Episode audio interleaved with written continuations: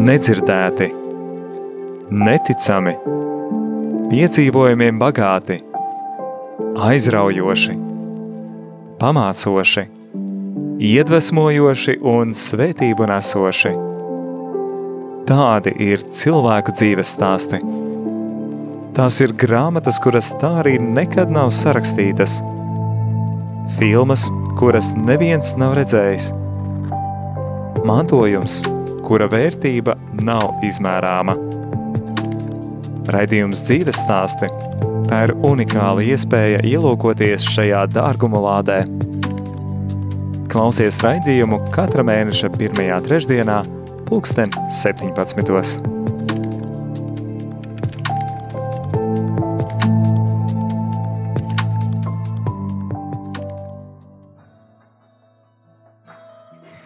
Es esmu sveicināts radio klausītāji, ar tevi kopā raidījums dzīves stāsti un es Jolanta Grāvīte. Šodien vēl kāds jauks, labs dzīves stāsts būs dzirdams, varbūt kādam dzirdēts, varbūt kādam netik ļoti dzirdēts, bet balss visnotaļ tiešām ir dzirdēta. Un tie, kas skatās video tiešraidi, tie jau redz, ka tā ir Antra. Sveika, Antra! Sveiki, Jolanta! Sveicināti klausītāji, slavēts Jēzus Kristus, lai visiem šobrīd, kur tu šobrīd esi, kur tu atrodies, lai ir labs prāts. Tas nekas, ka Ziemassvētki ir beigušies, mums ir fonā eglīti, tātad, lai cilvēkiem visiem mieras sirdī un labs prāts. Tāds mans novēlējums šodien. Amen! Un, jā, patiešām...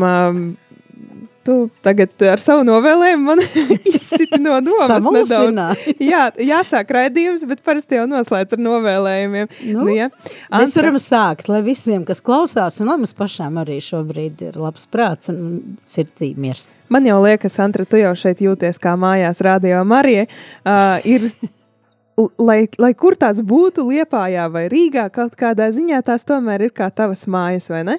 Nu, īstenībā, jā, man pēkšņi tagad ienāca tā doma galvā, es laikam sekoju. Visu radījām arī Liepājas studijā pirms nu, jau septiņiem gadiem, kad, kad sāka uh, veidot savu stāstu, tad es biju tur un, un, un, un tagad, jā, tagad, tagad esmu Rīgā, tagad mums ir tā kaimiņu būšana.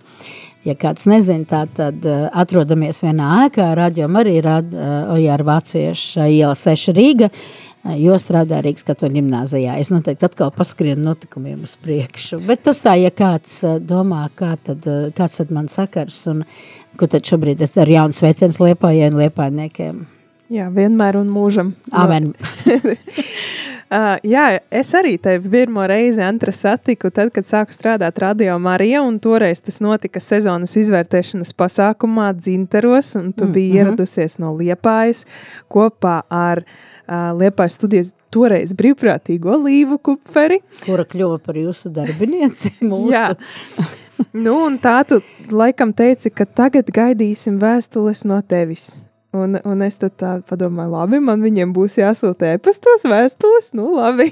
nu, nu, ja kaut kā ja komunikācijai jābūt. Jā, un tikai tad vēlāk es uzzināju, ka jūs esat, ka tu tieši esi Liepājas studijas brīvprātīgo koordinātore un ka tu rūpējies par to, lai no rītiem un vakaros notiktu lūkšanu tiešraides no Liepājas.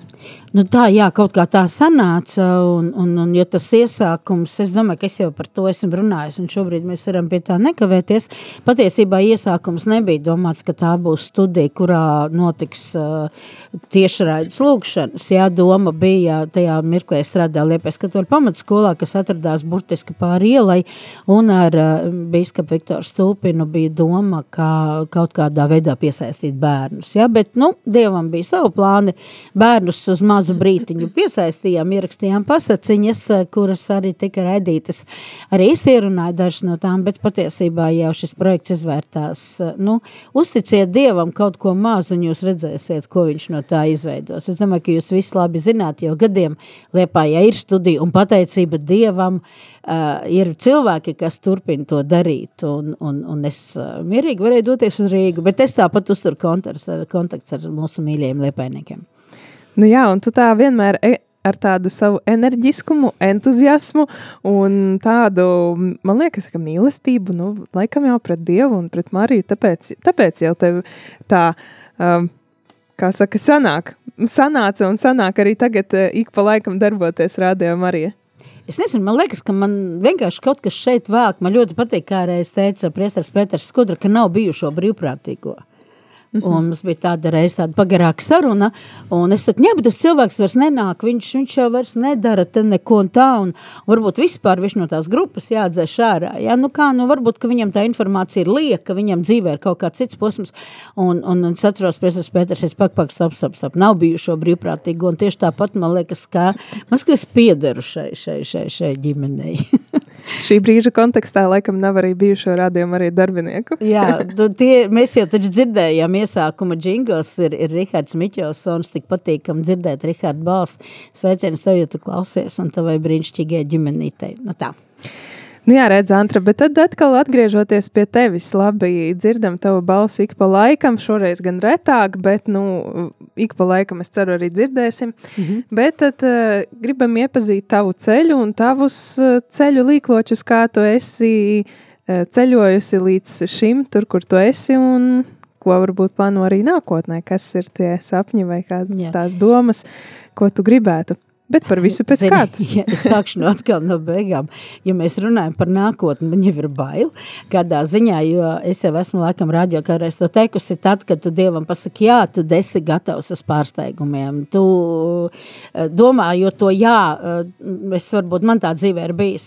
Es tā redzu kaut kādus sev divus soļus priekšā, ko tas jā, manā izpratnē varētu nozīmēt, un tad nāk Dievs, un, un viņš no tā uzstājas kaut ko pilnīgi daudz lielāku un tā ir arī man nokļūšana Rīgā šeit, Rīgas katoļu ģimnāzijā, kur es šobrīd strādāju par latviešotas literatūras un ticības mācības skolotāju. Tas tā šim, šim, šim brīdim. Jā, tikmēr klausītāji atgādināšu, ja tu klausies šo raidījumu 18. janvārī, nu, kad tas skan tiešraidē, tad tu drīksti arī iesaistīties ar saviem jautājumiem vai komentāriem, vai arī padalīties ar kādu tikšanos, kur tu esi saticis Antru un... un oh, būs jautri, jā, un kāds arī tev ir bijis tas, nu, tikšanās stāsts varbūt. Kāpēc ne? Lūk, un tad atgādināšu, ka tārunis mums studijā uh, izziņām ir 266, 77, 272. Vai arī tu drīkst piezvanīt uz numuru 67, 969, 131. Lūk. Nu, ko? Nu, ko? Nu, tad mēs varam sākt uh, tīt to, to atmiņu kamolīti vaļā. Uh, man patīk, Jolanta, tu teici līkloča. Es teiktu, ka mana dzīve nav līkloča. Mana dzīve ir vienkārši traki amerikāņu kalniņi. Oh. Jo ir uh, periodi, kad es esmu bijusi kaut kur ļoti, ļoti augstu virsotnē un ir uh, mirkļi, kas man ir nometuši uh, Nu, nu, vienmēr jau var teikt zemāk, bet manā šīs dienas izpratnē diezgan, diezgan zemu. Nu, mēģināšu es tagad uh, savu CV. tad, tad uh, esmu dzimusi Liepājā, esmu tiešām pilntiesīga, pi, pi, pilnasiņu liepainiece, vēju appūsta, izpūsta caur un caur. Un um, esmu dzimusi pirms 60 gadiem, pēc uh, šo sestdienu svinēšu savu 60 gadu jubileju. Vispār man paliek bail no tā cipara. Es to tā, es neesmu no tām sievietēm, kas tikai neprasīt, cik man ir gadu. Mm -hmm. Es nekoķetēju. Es atceros, bija tāds, ja manuprāt, tas bija gruzīna dziedātājs, Kika Bidze, viņš dziedāja Maiga Dama, jo bagātstva tulkojumā no krievu valodas, ka mani gadi tā ir mana bagātība.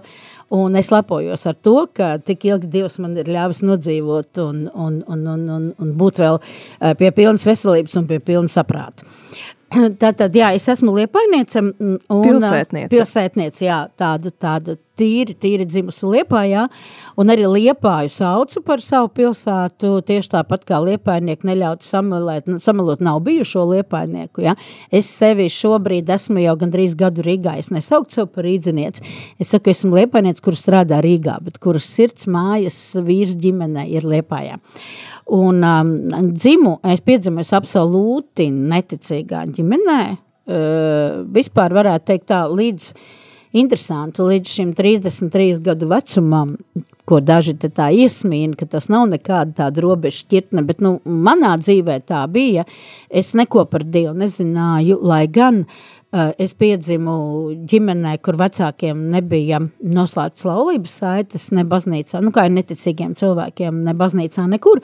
Un mana omīte, būdama ļoti, ļoti ticīgs cilvēks, viņa uzskatīja, ka mani vajag nokristīt. Tas ir ļoti interesanti. Uh, mums ģimenē māmai kopā viņi ir astoņi brāļi un māsas, un neviens no mazbērniem netika nokristīts. Izņemot, Ma, izņemot mani, jā, tādā mazā, mazā vecumā. Un es pat zinu, kāpēc. Tāpēc, ka mammai ar manu tēvu nebija oficiālu attiecību. Viņi gan dzīvoja kopā, bet, bet, bet tās netika nokārtotas. Un tad, ja mēs runājam par 63. gadu, 1963. gadu, nu tad tie, kas ir vecākas paudzes klausītāji, noteikti uh, var iedomāties, nu, kā tas ir, ka, ka tāpat vien dzīvo kopā un, un, un, un, un vēl piedzimst bērns. Jā. Un uh, mans tēvs ir, uh, nāk no Latgalas. Es, uh, tagad izklausīsies, ka es ļoti tā uh, Uh, augstasinīgi var par to runāt, bet es viņu nekad mūžā neesmu redzējusi, jo mans tēvs ir unikāls, un viņa unikalitāte slēpjas tajā, ka viņš pateica, ka jā, kamēr man māma gaidīja mani, ka ja būs meita, viņš ar mani nedzīvos, viņš ar māmu nedzīvos, un ja būs dēls, tad, tad viņš dzīvos. Un, un, un es varu tikai nojaust, ko mana māma tajā laikā juta, ja, šos deviņus mēnešus. Un viņš arī šo savus draudus piepildīja, jo tad, kad man bija viens mēnesītis, māma neskapēc bija spiesta iet darbā, nevis tēvs, un es tiku atstāta vienkārši pie kaimiņiem, nu, kā tāda paciņa, māma atnāca no darba, tē, tētim bija jābūt ar mani mājās, un, un, un viņš bija mani atstājis vienkārši kaimiņiem, un, un, un, un tad es varu iedomāties, cik ļoti man māma mīlēja manu tēti pēc tā visa. Bet uh, Dievs ir ļoti asprātīgs, un manam tēvam piedzima vēl viena meita tajā pašā gadā. Tas ir ļoti interesanti. Es piedzimu janvārī, un septembrī man ir piedzimusi pusmās, kur es nekādi, un ir vēl viena pusmāsa, uh, tad, tad viņam bija vēl divas meitas. Es nezinu, vai viņš tā arī tika pie kārotā dēla, bet es īstenībā gribētu, ja ir iespēja izmantot radio tagad šajā, šajā ziņā. Uh, mans tēvs ir no Reizeknas puses, un kad es biju klusuma rekolekcijās sarkaņā, celiņos, ja, kas ir tuvu Reizeknei, reiz ejot tur pa to celiņu, kas ir no sarkaņa rekolekcijas mā, rekolekcija mājas uz, uz, uz sarkaņu baznīcu, es pēkšņi ļoti, ļoti skaidri sapratu, ka šeit kaut kur tūmā dzīvoja mana vecmāmiņa, ko es nekad neesmu redzējis. Es esmu mēģinājis atrast savu tēvu, bija periods, kad es negribēju neko par viņu zināt, un, un kad man teica, nu kā, nu kā tad tad tu negribi viņu redzēt, es saku, nu ko man apmierināt savu ziņkāru, paskatīties uz onkulīti, ja? Reizēm pat līdz kurioziem. Es ļoti daudz tā kā aglonā sāceļojumos bijusi, un, un tad es tur visādus večukus pētīju. Es domāju, varbūt šis vienreiz pētu vienā misē, o ne, baigi garš deguns viņam, tas noteikti nevarētu būt manas tēvs. Bet man tēvs sauc Jevgēņijas Migulnieks, un, un, un, un, un ja kādam ir zināms kaut kas par šo cilvēku, es būtu tikai priecīgi, var sazināties. Es izmantošu šoreiz raģiomu arī šajā, šajā sakarā.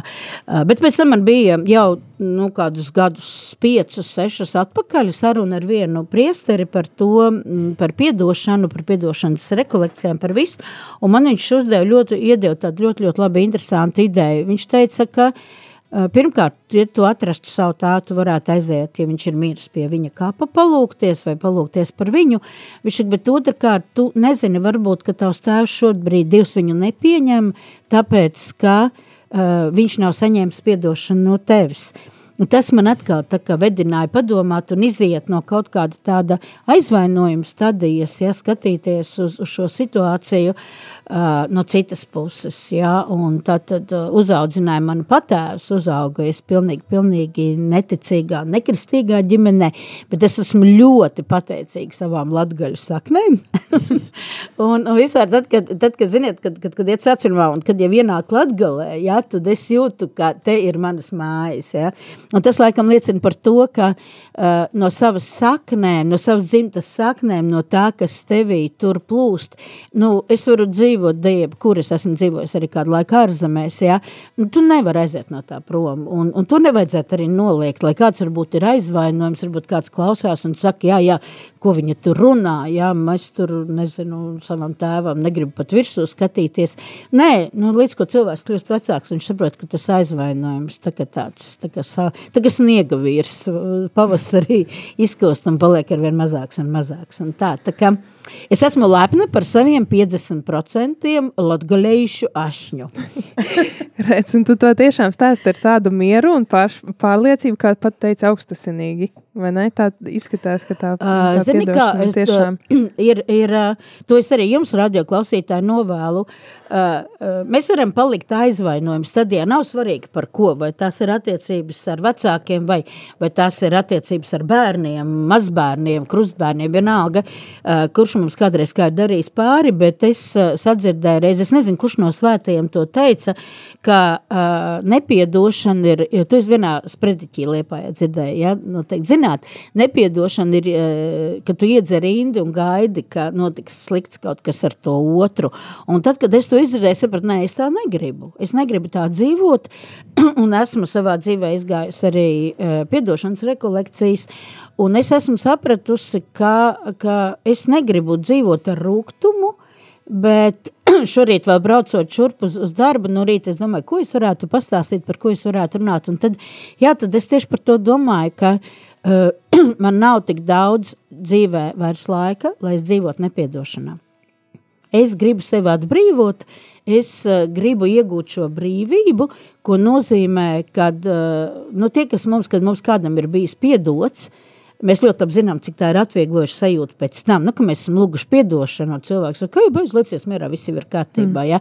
vai otrādi, ja? ka, ka, ka mēs esam lūguši un saņēmuši šo piedošanu.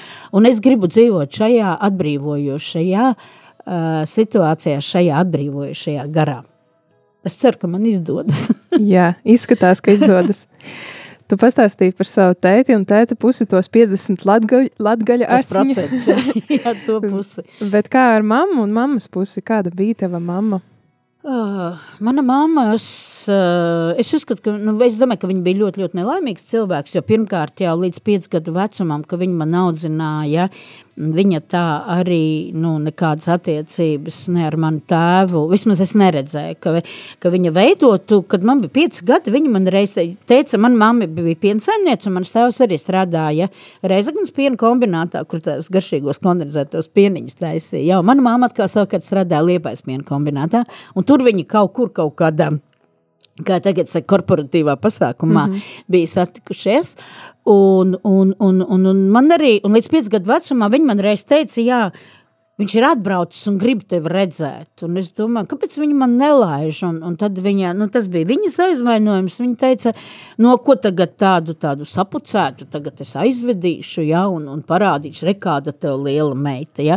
Un te ir atkal tas jautājums par to nepiedošanu, ka viņa ar savu nepiedošanu varbūt zināmā mērā nodarīja man pāri, un, un arī tam manam tēvam, jo, nu, varbūt, ka viņš arī pie kaut kādas atziņas pēc kāda laika nācis, ja, bet, bet tas rūgtums un kaut kāda tā tāda sava paštaisnuma, tāda nostāja, un nu, man jau jāpiebilst, man māte arī ir tipiski kurzemniece, ja, un kurzemnieki ir spītīgi un, un, un lepni, nepavēlti saka lepnie kurzemnieki, ja, un, un arī tādā ziņā kaut kur drusciņi tādi nepiekāpīgi, ja, un tad manā dzīvē ienāca patēvs, uh, ar kuru man nebija labas attiecības. Vispār jāteic, ka man jau arī ar māmu nebija īpaši labas attiecības, jo reiz vienās dzīvības trauma dziedināšanas rekolekcijās es kaut kā divainā reizē redzēju savus dzemdības. Es redzēju, ka es piedzimstu svētajā garā un ka mana māma iekšēji no manis novēršas. Ja, jo nu, viņa jau zināja, kas, kas tam sekos, ja mans tēvs jau laicīgi bija brīdinājis.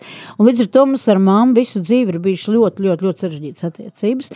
Turklāt pie visa pārējā viņa bija alkoholiķa, Ja, un, un, un tad, bet, kā es vienmēr stāstu par savu māmu, lai, lai viņai labi debesīs, viņai jau 19 gadus, kā ir, kā ir mūžībā, lai gan varētu vēl dzīvot un dzīvot, nebija nemaz tik veca, bet no alkoholismu sagrāva viņu pilnībā no iekšienes, psihiski, garīgi un, un arī loģiski, fiziski, ja, Un, un, un, un, un es sapratu, ka, ka, ka viņa ir bijusi nelaimīga sieviete.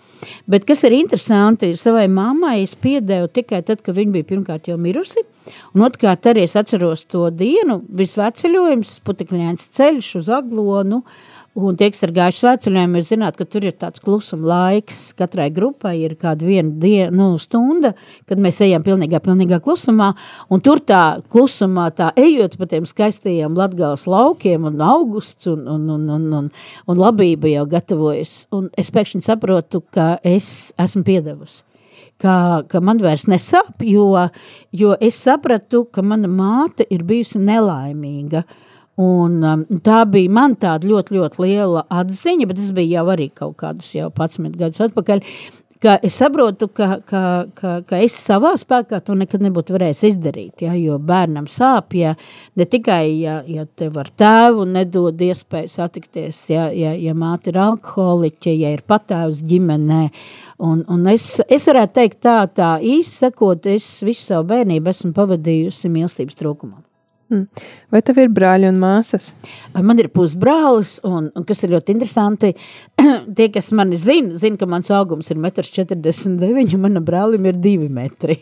Oh. Viņš ir tieši 10 gadus jaunāks, un, un nākošu nedēļu viņam paliks 50. Mums ir, māma gribēja, lai mēs būtu dviņi, mums ir katram nu, tā, tā, tas savs tēvs, bet māma gribēja, ja man ir 21. janvārī dzimšanas diena, lai brālim būtu turpat, nu viņš piedzim 25. Ja, un tad, tad man ir 10 gadus jaunāks brālis, kurš ir 2 metrus garš. Viņa brālis, jā. Viņa brālis ar desmit gadu starpību. No, no cita jā. tēva. no cita tēva, jā, bet ļoti, ļoti, ļoti garš. Un, un tad, kad mēs, mēs nevaram ar brāli kopā nofotografēties, jo, jo tad viņš sēž un tad mēs esam vienā augumā. Un, un tā, tā kā, tā kā.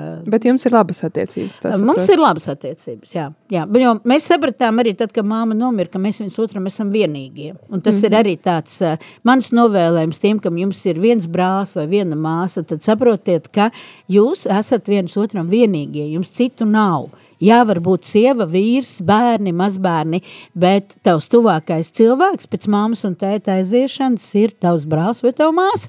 Nu, tad dzīvojam mīlestībā, bez naida, bez, bez, bez visām tām lietām, kas, kas mūs noteikti netuvina Dievam. Nu, redz, esam tā pieskārušies diezgan ģimenes tēmai, bet ir arī kāds posms noteikti katra cilvēka dzīvē, kad notiek tāda kā atdalīšanās no ģimenes vai mhm. aiziešana. Cik gadi tev bija un vai tas viss, tas noteikti notika, bet cik gados tev notika tāds posms, kad tu saproti, es eju tālāk dzīvē? Diezgan ātri, kaut kādos 19 gados, 20, jo, jo, jo man um, vienmēr ir gribējies nostāties uz savām kājām, uh, Un, um, es, uh, es sāku studēt Liepājas tagad universitātē, tas bija pedagoģiskais institūts, un man kaut kā īsti labi nepadevās studijas, jo patiesībā mans mūža sapnis bija kļūt par aktrisi, ko es tā arī nerealizēju, realizēju pēc tam, bet ne ar akadēmisku izglītību, ja? Esmu strādājis Liepājas Leļu teātrī un arī tagad šād, šādos tādos projektiņos, un, un, un tad kā man ar to aktieru padarīšanu tur nekas nesanāca, es domāju, nu labi, nu kur kur es iešu, nu, kur es iešu, nu, kas ir aktieriem vistuvākais, nu, literatūra, valoda, nu, tas jau noteikti ir tas tuvākais. Nu, iestājos institūtā un, un, un, un negribēju vairs mājās dzīvot, jo man visi kursa biedri bija sabraucēji no citurienes, un tad es tā, tā, es, man bija divi piegājieni, pirmajā piegājienā es nepabeidzu augstskolu, ja, un es sāku strādāt, un tad es arī pateicu vecākiem viss, Ja? Bet es domāju, ka iekšēji tas lēmums jau brīvīgi sen, jo, jo es gribēju prom no tām mājām. Es, es tur nejūtos ne vajadzīga, ne mīlēta, un, un, un man gribējās uzsākt savu dzīvi. Nu, kā nu tas bija? Tur bija amerikāņu kalniņi, es pa starpu man vēl dēls piedzima, bet tad es sapratu, ka eh, nē, pa spīti visiem, un visam, kas kā manā dzīvē ir bijis, es atsāku studijas un es pabeidzu, un tā kā man ir latviešu literatūras skolotāja speciālitāte. Tā varētu teikt, jā, no kaut kādiem 19 gadiem, ja līdz ko jau varēja, jā, un, un, un, un, un darbu padomu laikos atrast vispār nebija problēmu, īstenībā arī bez īpašas izglītības. Kas jā. bija tava pirmā darba vieta? Ļoti smieklīgi, es biju uh, sporta biedrībā vārpa instruktora. Es biju, eh, mēs bijām vairākas meitenes, absolūti pilnīgi cilvēks, kuram sports ir, ir pilnīgi, pilnīgi no citas pasaules, ja, kas nevarēja nekad skolā nokārtot nekādas normas, vienīgi savu mazā auguma dēļ, arī augstskolā. Man augstskolā bija problēmas ar sportu, jo es nevarēju barjeras skrējienu noskriet, un tad, kad es pieskrēju pie tām barjerām, tad man viņas bija līdz viduklim, un es skatos to pasniegt, un es saku, pasakiet, kā? Man līst pa apakšu, vai, vai, vai kā man vispār tikt pāri tam, ja? Un pēkšņi es strādāju sporta biedrībā, bet tas ir vairāk tāds menedžmenta darbs bija, nu tā, šodien tā to sauc, ja? Tas ir organizēt sacensības, uh, uh, kārtot, uh, teiksim, zinām sporta veidi, un tas sporta veids, par ko es biju atbildīgs, bija, nu, ties, tas bija jāšanas sports, un man ļoti patīk zirdziņi man iedalīja tieši tad, kad es tad vairāk sadarbojos ar, ar, ar tiem, tas bija arī PSRS mērogā, dažādas sacensības organizēt un tā. Nu, pilnīgi absolūti ne, ne aktierisks, ne, nekas, bet tas bija tāds, nu, menedžera darbs. Mm -hmm. Tu minēji, ka tu, jā, mēs tā lēkājam pa profesijām, pa, pa dzīves, bet tā jau arī ir, ka tajā dzīvē ir dažādas jomas, jā, amerikāņu kalniņu, kalniņu stilā turpinam. Bet uh, tu minēji, ka tev bērnībā pietrūka tās mīlestības, vai bija kaut kas, vai, mm, vai kaut kur kur tu meklēji to mīlestību, tomēr, kur tu centies viņu saņemt. Ja ģimenē nav bijis, tad varbūt mm, darbā. Jā, man, vai, bija, man vai... bija fantastisks krustmāte, manas māmas māsa, kas bija, es nekad dzīvē neesmu redzējusi tik uh, diametrāli pretējs cilvēks. Ja, ja viena uh, aizrāvās ar alkoholu un ar visu ar to līdz ar to arī psihozes un vispārējais, kas jau ir cilvēkam, kurš ir slims ar šo slimību, ar šo atkarību, uh, tad man krustmāte bija absolūti pretējs cilvēks, uh, drusciņ dažus gadus vecāka par māmu. Uh, viņa bija tā, kas aizveda man uz teātra pulciņu, viņa bija tā, kas man iemācīja mīlēt dzēju, uh, viņa bija tā, ar kur es gāju uz teātriem un koncertiem, un, un, un, un viņa bija tā, kura man um, ierosināja pašai sākt patsmitnieku gados rakstīt dzēju, rakstīt miniatūras, ja, kuras mēs paši, abas rakstījām, un tad mēs satikāmies, un, un tad mēs tās lasījām vienotrai priekšā sveču gaismā un tā, un, bet um, es arī no mājām pirmoreiz aizgāju 4. klasē. Sastrīdējos ar savu patēvu, savācu savu skolas summu un es aizgāju. Loģiski, es aizgāju pie krustmātes un tā apmēram ik pa kādiem četriem gadiem es tur uz kādu laiku pārcēlos pie viņas dzīvot. Noteikti tas arī, nu, māmai līdz ar to krustmāte bija konflikti, jo māma visu laiku teica, nu jā, tu esi tā labā, jā, pie tevis viņa iet, tevi viņa klausa, tev, tev viņa, ja tev ir kontakts ar viņu, jā, un, protams, jau, ka pēc kādu laiku man atved atkal atpakaļ, bet tad līdz, ko bija atkal kaut kādi konflikti ģimenē, tā es atkal, man jau bija tāds tāds ceļojuma komplekts jau. es tur paņēmu vajadzīgo veļu un ko vēl skolas lietas un pie krustmātes prom. Un, un viņi man arī ārā nedzina, jo viņa zināja to situāciju, ka tur visādi mājās iet. Tā kā, jā, pateicība un slavu manai krustmātei, kura nodzīvoja līdz 90 gadu vecumam un tagad, nu, pat septembrī tikai nomira, tā kā es viņu, un viņa arī atnāca pie Dieva, kā viņa saka, un viņa man vienmēr teica, nu jā, tu esi tas cilvēks, ar kuru es vismaz vienīgais no viņas ģimenes, atkal, kur es varu par Dievu parunāt, un tu viņai vienmēr mm. bija visādi jautājumi, a, kāpēc ir tā, a, kāpēc bībelē tā, a, kāpēc bībelē tā, un, un tad mēs daudz ko diskutējam.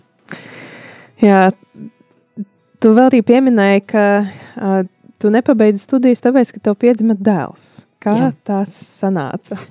Nu, tas tā sanāca, jā, ka mm, es vienkārši reizēm tā domāju, kāda ir tā mm, pārmantojamība, ka, ja mana māma viena pat uzaudzināja, jā, tad, tad, tad man arī vienās attiecībās, kuras nebija ne sakramentāli, nu kādas es vispār par Dievu neko nezināju.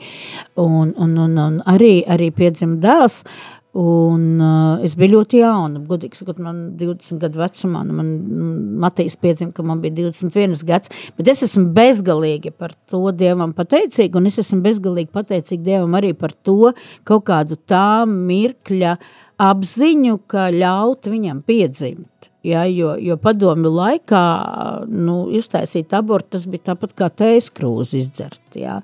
Bet es zināju, un es biju gatava šim, šim, šim bērnam, un, un, un es teicu, jā, lai viņš, lai viņš būtu. Uh, nu, Matīs, Matīs nāk, varētu teikt, tā Matīs 50% ir, ir ļoti, ļoti muzikāla ģimene. Uh, mums ir arī brīnišķīgas attiecības. Šodien pēc manam dēlam šovasar būs 39.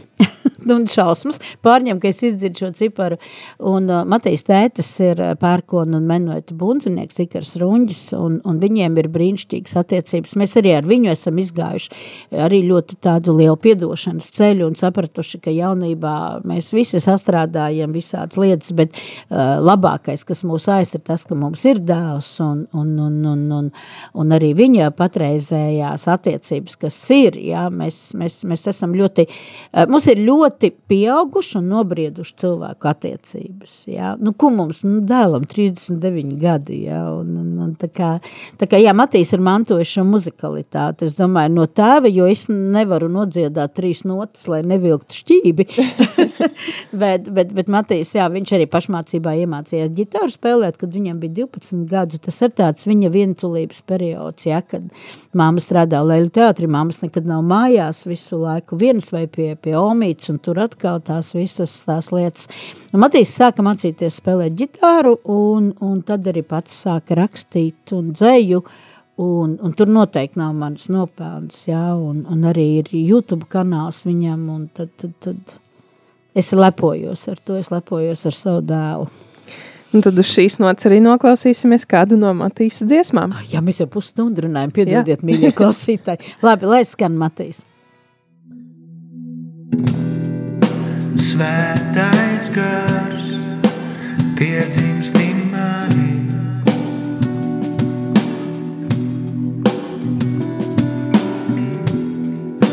svētais gars iemājo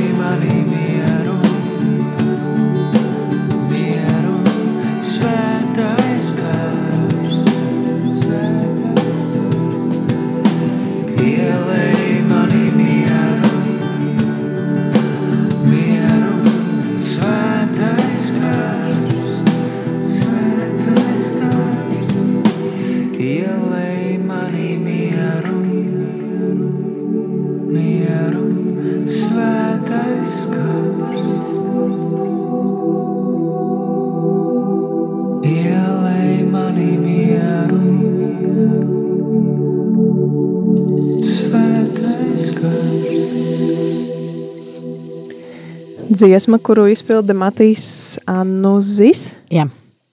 Anuzis, tas ir man patāja uzvārds, kuru neviens nekad nav varējis pareizi uzrakstīt.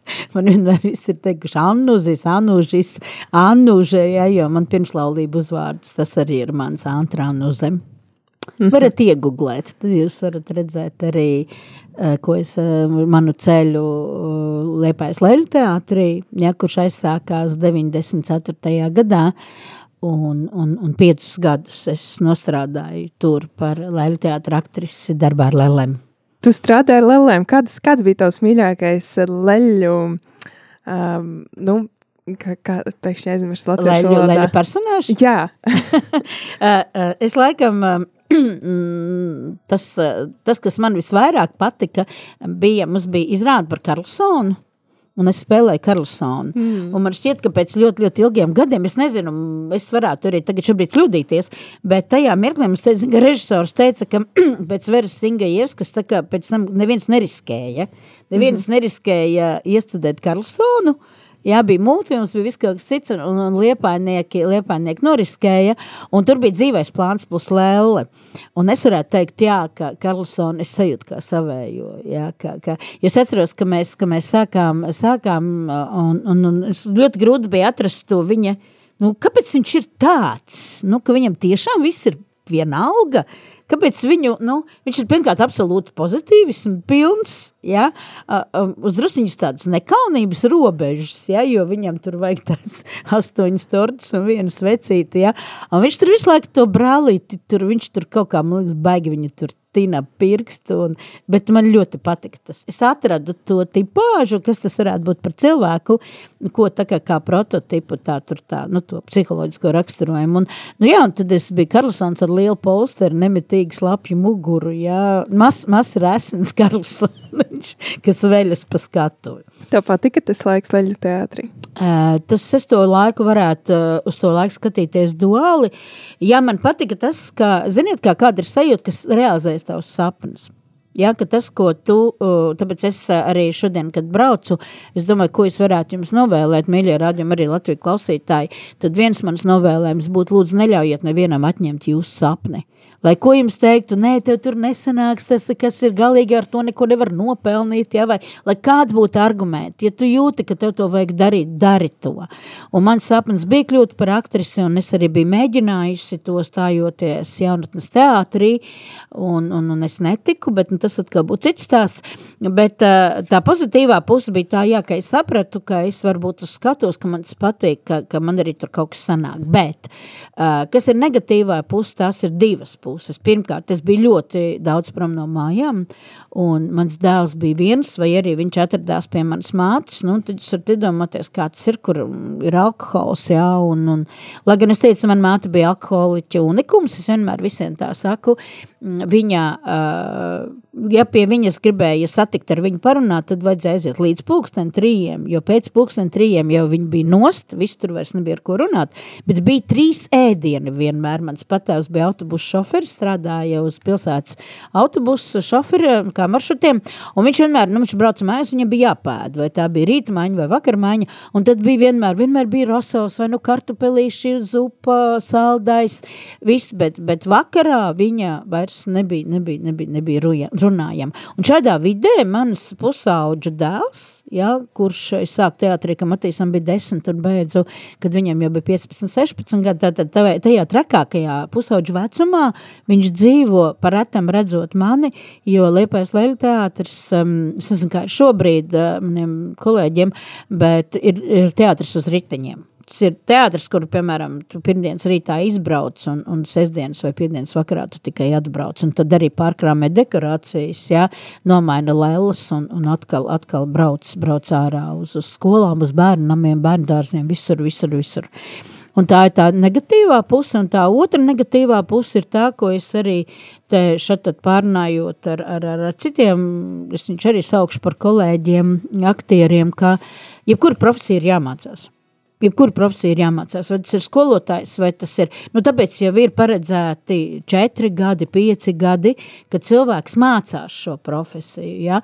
Es kāpu skatuvis būdam autodidakts, es mācījos darot, un kaut kādā mirklī es sapratu, ka, nu, es nevaru dejot baletu, ja es neprotu pamatus, es nevaru spēlēt uh, uz skatuves, uh, ja es neesmu iemācījusies, kā to darīt, tas ir ļoti mokoši un īstenībā arī maz drusciņ tā sevi izvarojoši. Ja? Jo profesija mācās, un aktieri sāk uh, tātad ar pamazām vienkāršām lietiņām līdz nonāk, nezinu, līdz Hamletam vai, vai, vai vienalga, ko, ko vajag nospēlēt. Ja?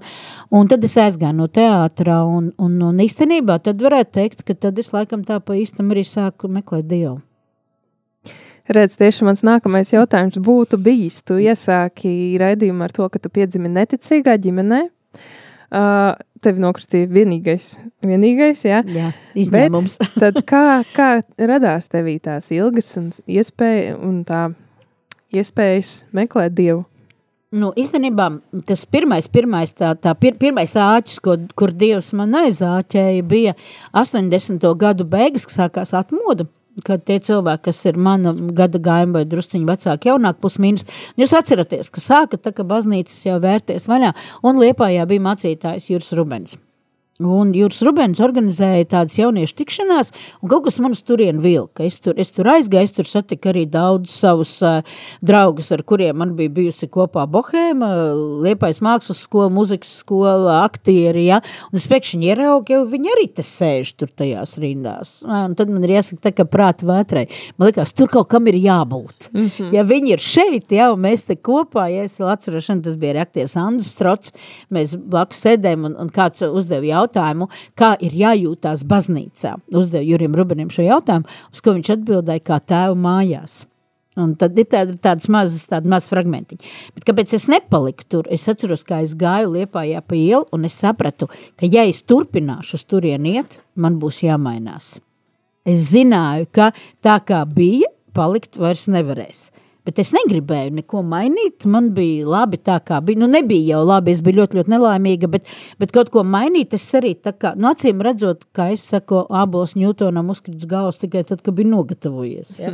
Ātrāk, ātrāk tur nekas nenotika. Un es aizbēgu, es aizbēgu no tās vides, un, bet Dievs jau bija man aizāķējis, un pēc dažiem gadiem es nolēmu, ka es gribu nokristīt savu dēlu, kuram te lai laikā bija kādi 6, 7 gadi, ja, un iesvētīties pati, jo, nu, es tagad biju krist, kristīt Luterāņu baznīcā, Durubas Luterāņu baznīcā ļoti, ļoti lielā slepenībā, ja, naktī, vakarā, es tiku aizvest uz mācītāju māju un tur arī nokristīta, un es sapratu, ka man tā kā vajag iet, iet tālāk.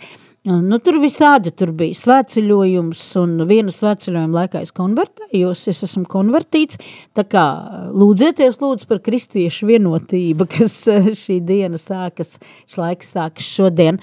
Un tad bija tādi arī, un atkal, protams, kārtēji amerikāņu kalniņi. Uh, man ļoti patika, kā teica viena mana mm, draudzene tā laika liepājā, viņa saka, Andres, tev abrīnoju, es saku, kādā ziņā, uh, Viņa saka, ko tu dari, tu dari pamatīgi, kad tu dzer, tad tu dzer, un kad tu lūdzies, tad tu lūdzies. Ja? un, un, un tas ir tās, nu, ka mēs mēģinām salikt kaut kādas divas pasaules kopā. Ja to pasauli, no kuras tā kā vajadzētu iet ārā, un to pasauli, kurā tā kā tev vajadzētu būt iekšā. Un kaut kādu mirkli, nu, ziniet, tas ir tā kā tā spēle, ka es mēģinu nosēdēt ar, uz diviem krēsliem. Ja? Kaut kad pa vidu loģiski iekratīs, un tur nekas nebūs. Un tad 1996. gadā uz Liepāju atnāca Dominikāņi. Un es varētu teikt, ka tas bija mans tāds lūzuma posms, jo es tad sapratu, ka te kaut kas sāk notikt pa īstam, un, un tad mēs ar uh, Pēteru Aglonieti, Pēter, ja tu dzirdi sveicienus tev, uh, mēs sākām darbu ar jauniešiem sākam ar jauniešiem strādāt. Pašiem jau tad bija tādi jau pāri 30 jau, jau, jau un, un, un tuvojās 40 un apkārt mums arī bija tādi, tādi visi citi jaunieši. Un tad arī sākās manas ceļš lai Dominikāņu ordenī, Jo, nu, kad jau ar Dominikāņiem, tad jau, tad jau viss ar Dominikāņiem. Un tā es vēl šodien esmu savu, par savu draugu saucu Liepājas svētā Dominika draudzi, kur ir arī svētdienas skola, kur es strādāju ar savu mīļāko vecumu, kas ir tīneidžeri. Jaunieši, mm -hmm. patsmitnieki, man ļoti patīk šis, šis buntavnieku vecums, jā, šis protestantu. Tas, laikam, tas manas protestantu gārs, tie tie mani otri 50 kurzemnieces procenti, jā, tie. Un, un, un es esmu atradusi, jā, nu, katoļu baznīca ir mans mājas. Hmm. Tā. Es atceros, ka, ka, ka, ka mana māte bija ļoti, ļoti pret katoļu baznīcai, un, un tad viņa tik liedza, mēs esam luterāņi, mēs esam luterāņi, un, un es viņai teicu, tu luterāni pasaki, kādā krāsā ir baznīcai durus, uz kur tu pēdējo reizi biji, ja? Tā kā šis tas kurzemnieku mēs luterāņi, ja? lai gan īstenībā, nu, nu jā, nu kurzem ir, ir, ir luteriska, un, un, un tā, tas, tā, tas, tā tas ir. Tā kā, nu jā, nu es tāds, tāds, es varētu sev saukt par tādu kokteļu cilvēku, ja 50% latgalietis, 50%, 50% čangaļu, 50% čīvuļu, bet, bet kaut kas pa vidu. Nu tā. Nu, skaisti, un izskatās, ka arī to ticību ir izdevies tā tālāk nodot arī dēlam, kā mēs dzirdējām, kristī, kristīga dziesma tā bija, ko viņš izpildīja. Jā, mans, mans dēls, nu, viņš arī gāja šo te amerikāņu kalniņu ceļu, arī, arī meklēja, arī meklēja kaut kur sevi mākslā, meklēja sevi mūzikā, nu, teiksim tā, varbūt gribēja būt populārs, Ja? Varbūt gribēja pievērst savu tētu uzmanību, nu, kas arī nu, kā profesionāls mūziķis ja?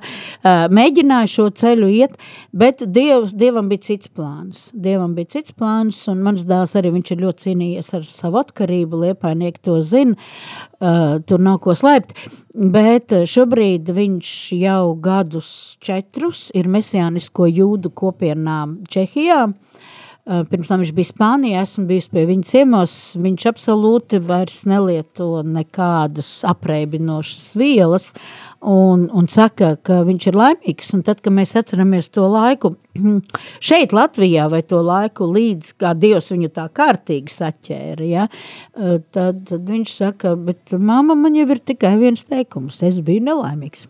Mm. Ja, un, un, un, un, un tad tas aizmiršanās veids, kā nu kuram, bet es esmu ļoti Dievam pateicīga, ka tas bija tikai alkohols. Es domāju, ka šodienas eh, vecāki un vecvecāki varētu būt daudz vairāk uztraukušies un, un, un nobēdājušies par to, kā varētu būt, ja būtu. Nu jā, bet eh, Dievs viņu ir atradis un tāpat kā arī tevi, tā var teikt. Antra, um, Tu šobrīd eh, nu, arī neesi viena. Es domāju par to savu ģimenes situāciju. ne tikai mājas, kā baznīca, mājas, kā eh, skola, rādio, vēl, kaut, vēl kādas lietas, kur tu darbojies, bet tieši ģimenes jomā. Gribu, lai es stāstu par uh, laulību? Jā. par tagadējo vai? Labi. Uh, šobrīd esmu laulāta jau 14 gadus. esmu, mans virs ir, ir fantastisks cilvēks, kurš ir uh, ceļā uz ticību, uh, pēc profesijas jūrnieks. Tagad gan pēdējos divus gadus uh, ir uztaisījis pauzi savā jūrnieka karjerā. Tad, tad es esmu jūrnieka sieva. Mm -hmm. Jā, zinu, ko nozīmē būt ilgu laiku vienai un, un gaidīt vīru mājās. Un, un mans vīrs ir pāvilosnieks, tā, tāds kārtīgs kurzemnieks, ja, ka mēs sakam vēju apūstie. Un, uh, nu, varbūt tad es varu pieskarties uh, tam tematam, ka šī nav mana pirmā laulība.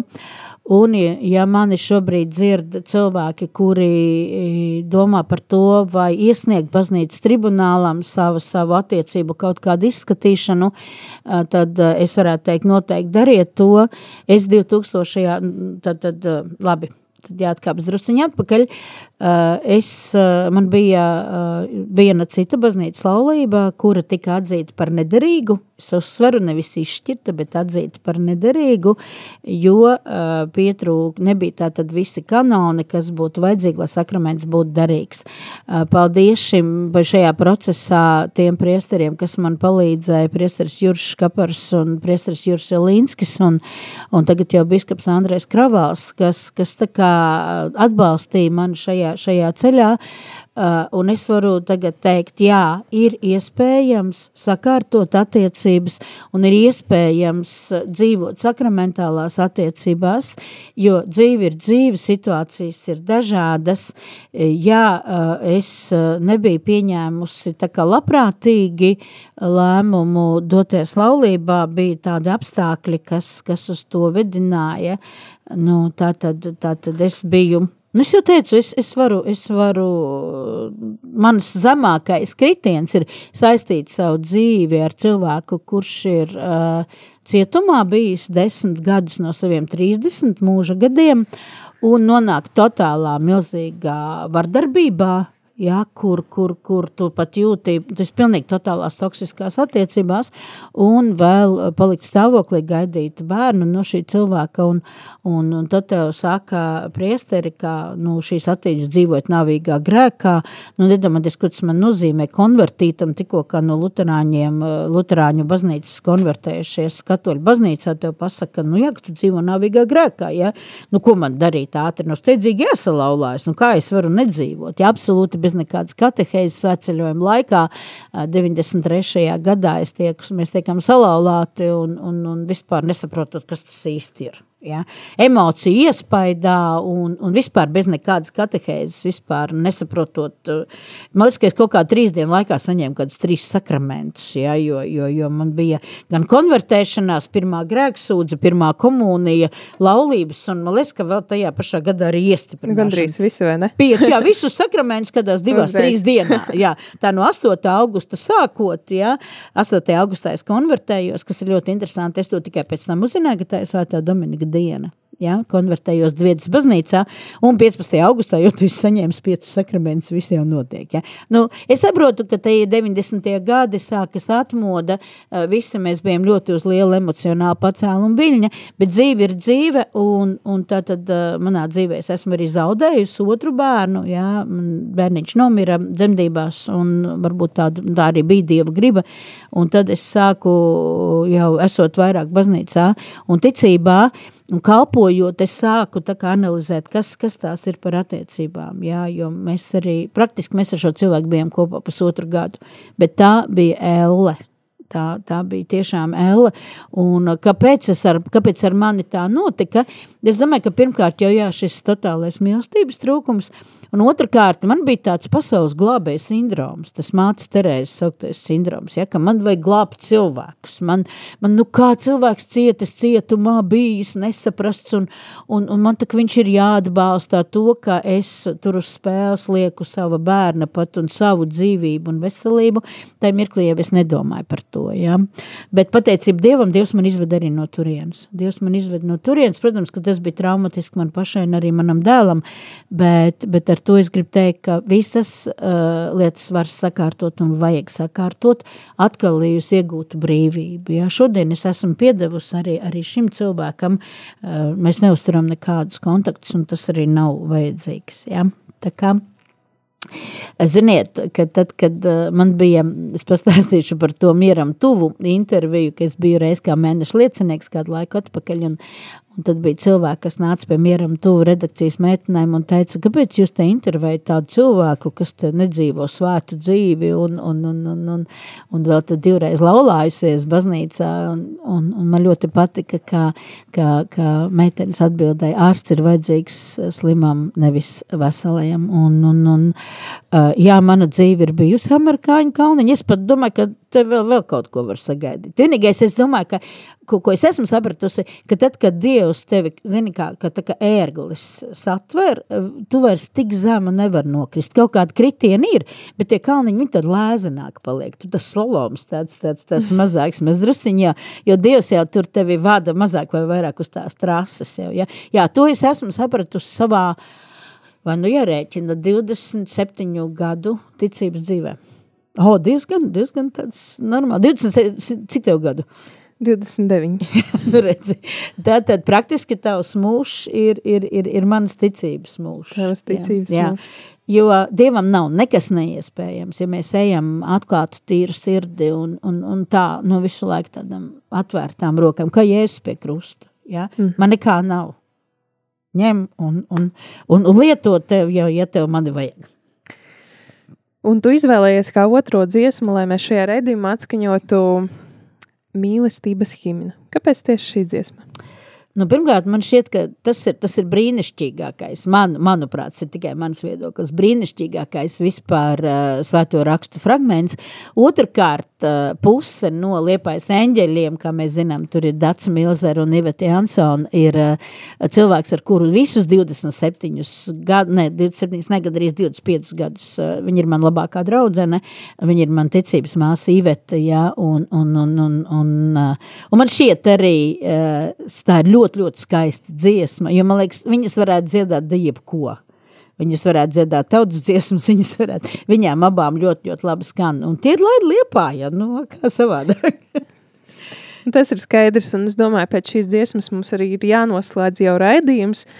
Paldies, Antra, ka šodien atnāci, un lai tev vēl ilgs mūžs, lai labi nosvinēta tā, tā jubileja, kura nāk. Jā. Un ceru, ka šis tev palīdzēja arī tā drusciņā atskatīties un pašai varbūt novērtēt tā, ar, ar tā kā kā, zin, kā no attāluma, kad tu paskaties uz to gleznu, ko tu tur esi gleznojis vai, vai kaut kādu jā, darbu, jā, jā, jo, jo pieeja, jo tuvāk jau ir tikai kaut kādas švīkas un ķēpas, jā, un tu jau neredzi. Un, un tā kā liels paldies, ka uzaicināji, jo man tiešām tas uh, atkal lika paskatīties ar šodienas uh, prātu, ar šodienas skatu, un, un, un klausītāji, mēs jau ļoti bieži mākam teikt, ja man toreiz būtu bijis šodienas prāts, un mēs ļoti labi zinām, ka mēs noteikti tādas pašas muļķības arī mm -hmm. būtu sadarījuši. Tā kā, ko es jums novēlu, dzīvojiet pilnasinīgu dievam, uh, bagātīgu, patīkamu dzīvi, un ja nožēlojam kaut ko, pasakām uz grēksūdzi un ejam atkal tālāk. Nedzīvojam pagātnē un neilgojamies pēc nākotnes, dzīvojam šodien, tagad un šeit.